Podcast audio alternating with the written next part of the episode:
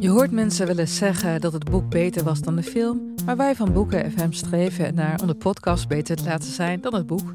Wij lezen de klassiekers die je nog niet gelezen hebt. We lezen de boeken die je heel graag wil lezen, maar waar je eigenlijk voor schaamt om in het publiek mee gezien te worden. We lezen de Libris-winnaars. Uh, we praten over de Nobelprijslariaten. Allemaal zoals je een etentje hebt. Dat je moeiteloos mee kan praten en dat het lijkt alsof je helemaal belezen bent. Wij zijn Ellen, Joost en Charlotte van Boeken FM. En je kunt ons luisteren in je favoriete podcast-app.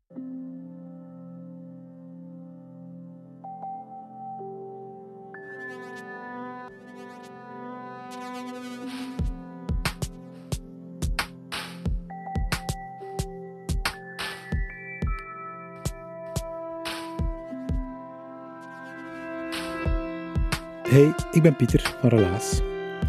In Relaas hoor je waargebeurde verhalen en die worden verteld door de mensen die ze zelf hebben meegemaakt. In deze aflevering neem ik je mee terug naar een paar topverhalen uit onze verhalencarousel.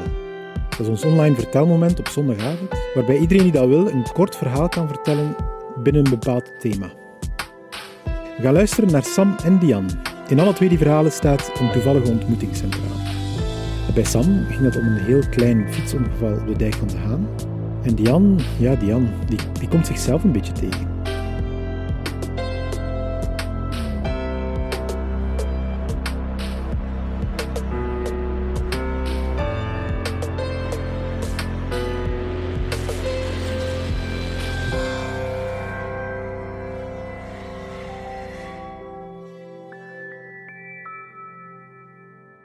Alright, aangezien ik in quarantaine zit in Bredene, beginnen we ook in Bredene. Dus ik woon in Bredene, maar als iemand het vraagt, dan vertel ik altijd dat ik Oostendenaar ben. En ik mag daarover liegen, want um, ik ben in Oostende geboren. En ik heb daar ook uh, het nodige aantal dagen gesleten in een of ander katholiek college. Uh, mijn pa is ook van Oostende en mijn oma woont nog aan het paard in Oostende. Als je van Oostende bent, begrijp je dat. Dus ik mag daarover liegen, in het kort. Um, Oostende ligt dus midden, pal in het midden van de kust. Dus alles ten oosten van Oostende is oostkust. Alles ten westen van Oostende is westkust. Alright? Dat heeft weinig culturele of politieke impact, maar je moet je er best nooit in vergissen. Het oosten heeft knokken, het westen heeft de pannen, um, het oosten heeft ook Zeebrugge, het westen heeft Nieuwpoort, Nieuwpoort. Kortom, het oosten heeft totaal het westen niet nodig en het westen is daar volkomen mee eens. Alright? Maar vergeet even de westkust, want we zitten op de oostkust nu. Alright? We zitten tussen Bredene en Blankenberge. We zitten in De Haan. En over De Haan heb ik um, in het lager, in het vierde of het vijfde leerjaar, ooit nog een spreekbeurt moeten geven. En we kregen zelfs de hele dag vrij om uh, ieder kost zijn, um, zijn gemeente gaan bezoeken. Dus wij met de tram, Tia, Jonas en ik, weet het nog goed, de klasgenoten. Wij naar de Haan op research uh, voor onze spreekbeurt. Um, ik kwam in Cinema Rio in de Haan, supergezellige cinema in de Haan. En een man met een pet, uh, een beetje Timon, ik zie jou nu voor me, echt typische man met pet, die vertelde mij dat uh, niemand minder dan Albert Einstein nog in De Haan heeft gewoond. En die heeft daar gewoond gedurende één zomer in 1933, van maart tot september. Alright? Dus niet super lang, maar bij gevolg zijn er nu overal in De Haan geleide Einstein-wandelingen. Alright, en dat gaat zo van, ja, hier is Villa Savoyarde, hier heeft Einstein gewoond in zijn zomer in de Haan, hier is uh, Hotel Bellevue, hier kwam hij elke namiddag koffie drinken, uh, Hotel Bellevue trouwens, um, het terras dat de meeste zon pakt in heel de Haan, dus als je er ooit bent, zoek Hotel Bellevue op. En hier komt de clue, waarom vertel ik hier over Einstein en de Haan? Wel, mijn eerste lief heeft ook nog in de Haan gewoond. Alright, het is een groot cliché. Al mijn maten gaan nu zeggen, hij is weer over zijn eerste lief bezig. Ja, sorry, ik kan er niet aan doen. Um, maar het ding is, mijn eerste lief heeft daar veel langer gewoond dan Einstein en toch zijn er over haar heen geleide wandelingen. En ik vind, vind dat een groot onrecht, want ik zou dat perfect kunnen hitsen. Ik zou zeggen, kijk, hier de Platanenlaan West, hier heeft zij nog meer dan één zomer gewoond. Of hier Pier 10, het zwembad, waar wij elke zondag plichtsgetrouw gingen zwemmen. Um, Hotel Bellevue en Villa Savoyarde van Einstein, die staan er nog. Maar Pier 10, dat is ondertussen al platgesmeten. En volgens mij komt dat doordat er daar geen geleide wandeling langs gaat. Dus mijn, ver, verbeelding slaat meteen om op hol trouwens, als ik, als ik denk aan Einstein um, in De Haan. Dus ik beeld mij in in 1933 dat hij op, op terras zit in, uh, in Hotel Bellevue en dat er daar ook een jongen zit. En die jongen heeft constant um, het meisje dat koffie aan het serveren is in de haten, maar dat meisje heeft alleen maar Um, haar blik is alleen maar uh, gericht op, op de geniale, welgemanierde Einstein. Dus die jong heeft op een gegeven moment ook gewoon op, hij staat recht, hij pakt zijn, uh, hij, steekt 100 frank onder het koffieservies en hij vertrekt. En achter hem hoort hij een stem en, en die, die stem zegt, wacht, wacht. En de jongen denkt, yes, dat meisje is hier. Maar nee, hij draait zich om. En Albert Einstein komt achter hem aangehold met, met een zomerjasje dat ergens over een stoel hangt. Uh, Einstein probeerde hem te overtuigen van kijk hier je jasje, maar de jong zegt nee dat is mijn jasje niet. Ook al is het een jasje, hij moest zijn jasje niet mee hebben. Als het van Albert Einstein komt, heeft hij geen interesse meer. En dat gebeurt allemaal op dat terras van Hotel Bellevue.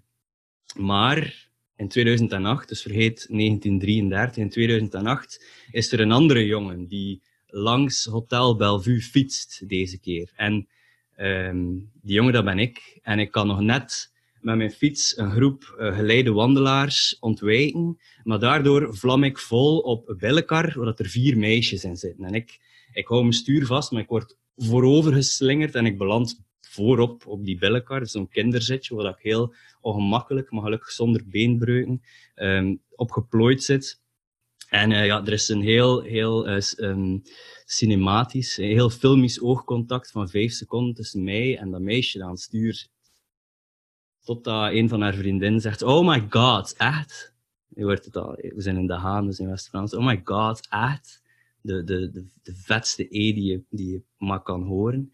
En um, zij, zij zucht diep en, en zwaait met haar paardenstaart, maar die vriendin die aan het stuur zit, die kan die paardenstaart ontwijken en die, die vraagt aan mij, zeg, um, weet je dat Albert Einstein nog in uh, De Haan heeft gewoond. En ik, gelukkig, ik heb er nog een spreekbeurt over gegeven in het vierde leerjaar, dus ik ben klaar voor die vraag en ik zeg ja, van maart tot september in 1933. Ze was nog niet onder de indruk, dus ze wilde dieper graven en ze zegt, ah ja, weet je ook waar dat die woonde? Ik opnieuw, yes, ik weet dat, ik weet dat. Ja, in uh, Villa uh, Savoyarde.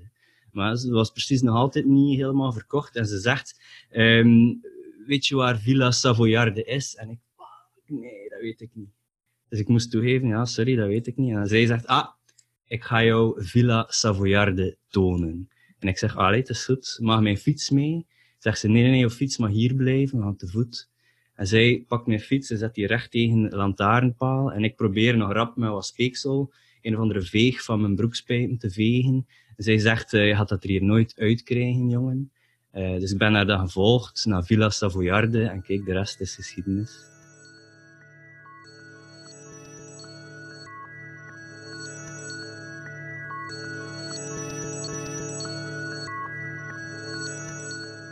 Geleden was ik nog een klein meisje, net als jullie, kleine meisjes, kleine jongens.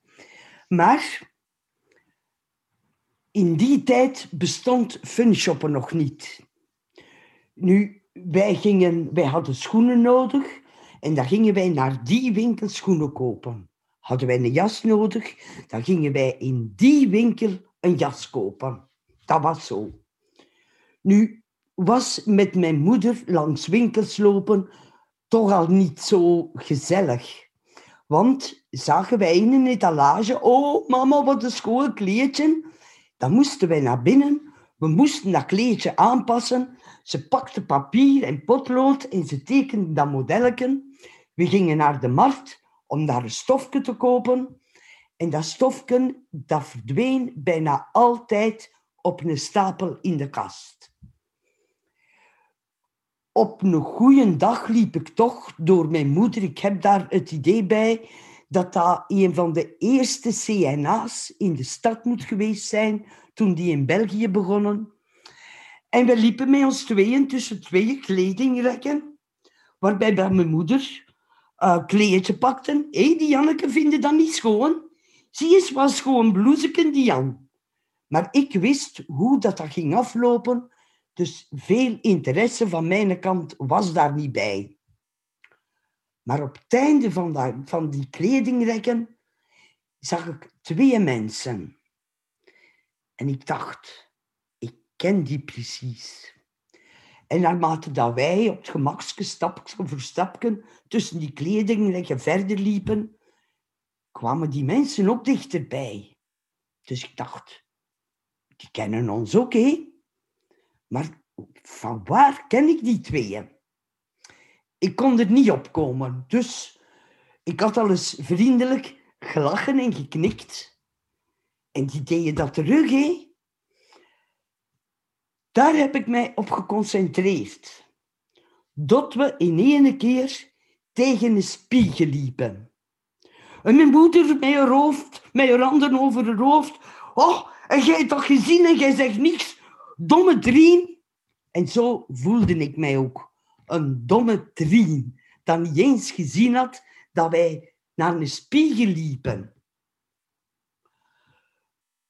Of zo een andere keer had ik met mijn zus afgesproken. In Antwerpen Centraal. En ik stap van de trein en ik zie op de andere kant van het perron een vrouw van de trein stappen. En ik denk, is ze dat nu? Omdat ik het niet zeker wist, bleef ik zo schuin achter haar lopen, dat ik toch van opzij haar gezicht kon zien. En ik wist het nog niet. Is ze dat nu? Of is ze dat nu niet?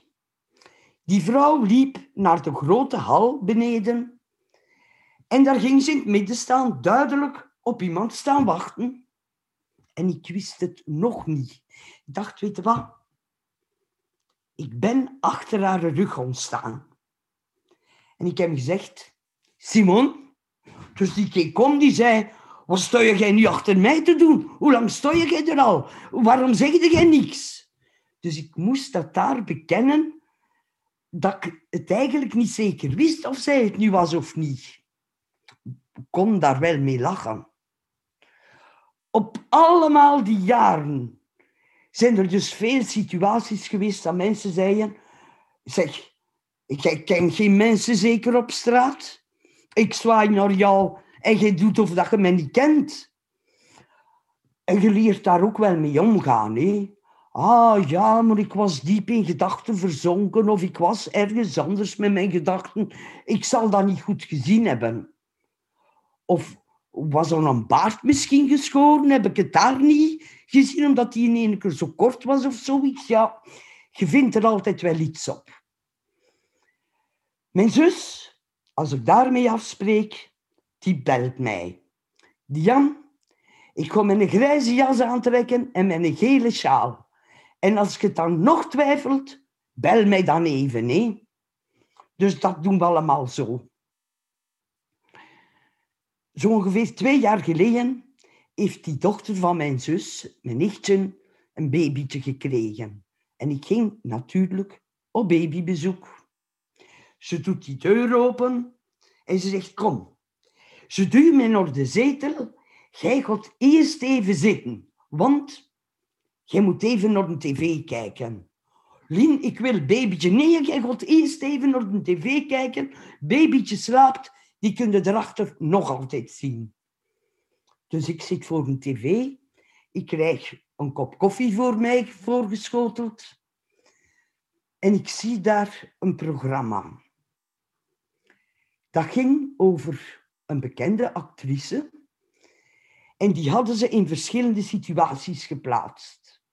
Waaronder op een terrasken. En de kapper, waar ze alle dagen, maar alle dagen naartoe ging, kwam haar vragen wat ze wilde drinken. En kwam haar ook haar koffie brengen. En ze had hem niet herkend. En naarmate dat dat programma vorderde, ben ik toch wel heel, maar echt heel stilletjes geworden.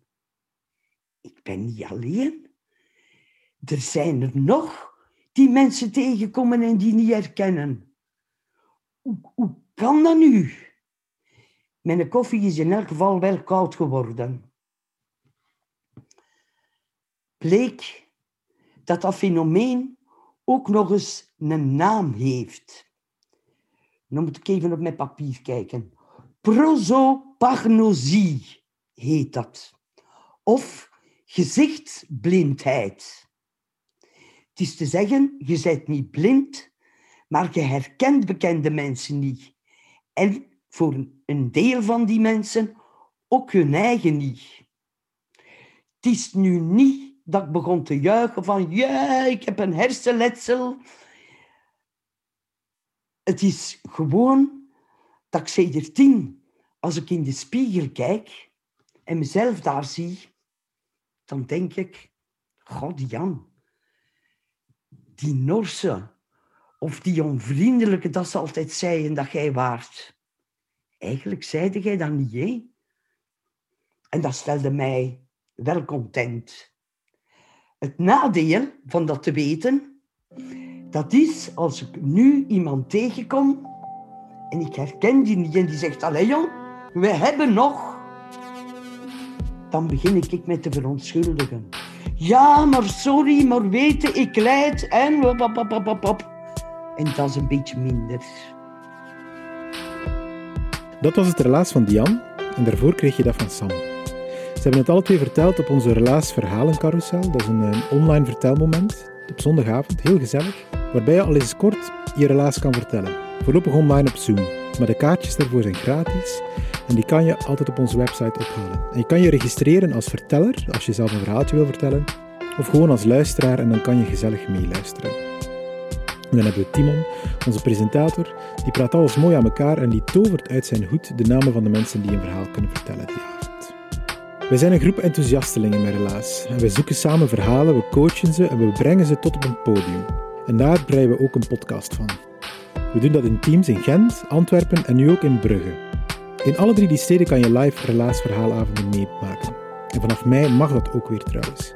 Gezellig, met minder dan 50 mensen, maar wel samen, fysiek. Hoe heerlijk klinkt dat? We krijgen steun van de afdeling cultuur van de Vlaamse gemeenschap en ook van die van de stad Gent. En beide organisaties zorgen ervoor dat wij onze vertelmomenten kunnen blijven organiseren. Maar als je houdt van onze podcast en je wil als luisteraar ons een duwtje in de rug geven, dan kan dat ook. Je kan daardoor vriend van de show worden. Op onze website vind je een knopje daarvoor om ons maandelijks met een klein bedrag, 2 euro of iets meer, te steunen. En dankzij jouw bijdrage kunnen wij die podcast week na week na week beter maken. Bedankt om te luisteren in ieder geval, dat is het allerbelangrijkste. En als je dit verhaal tof vond, stuur het dan zeker door naar iemand en zo groeien wij in luisteraantal. Dankzij jou.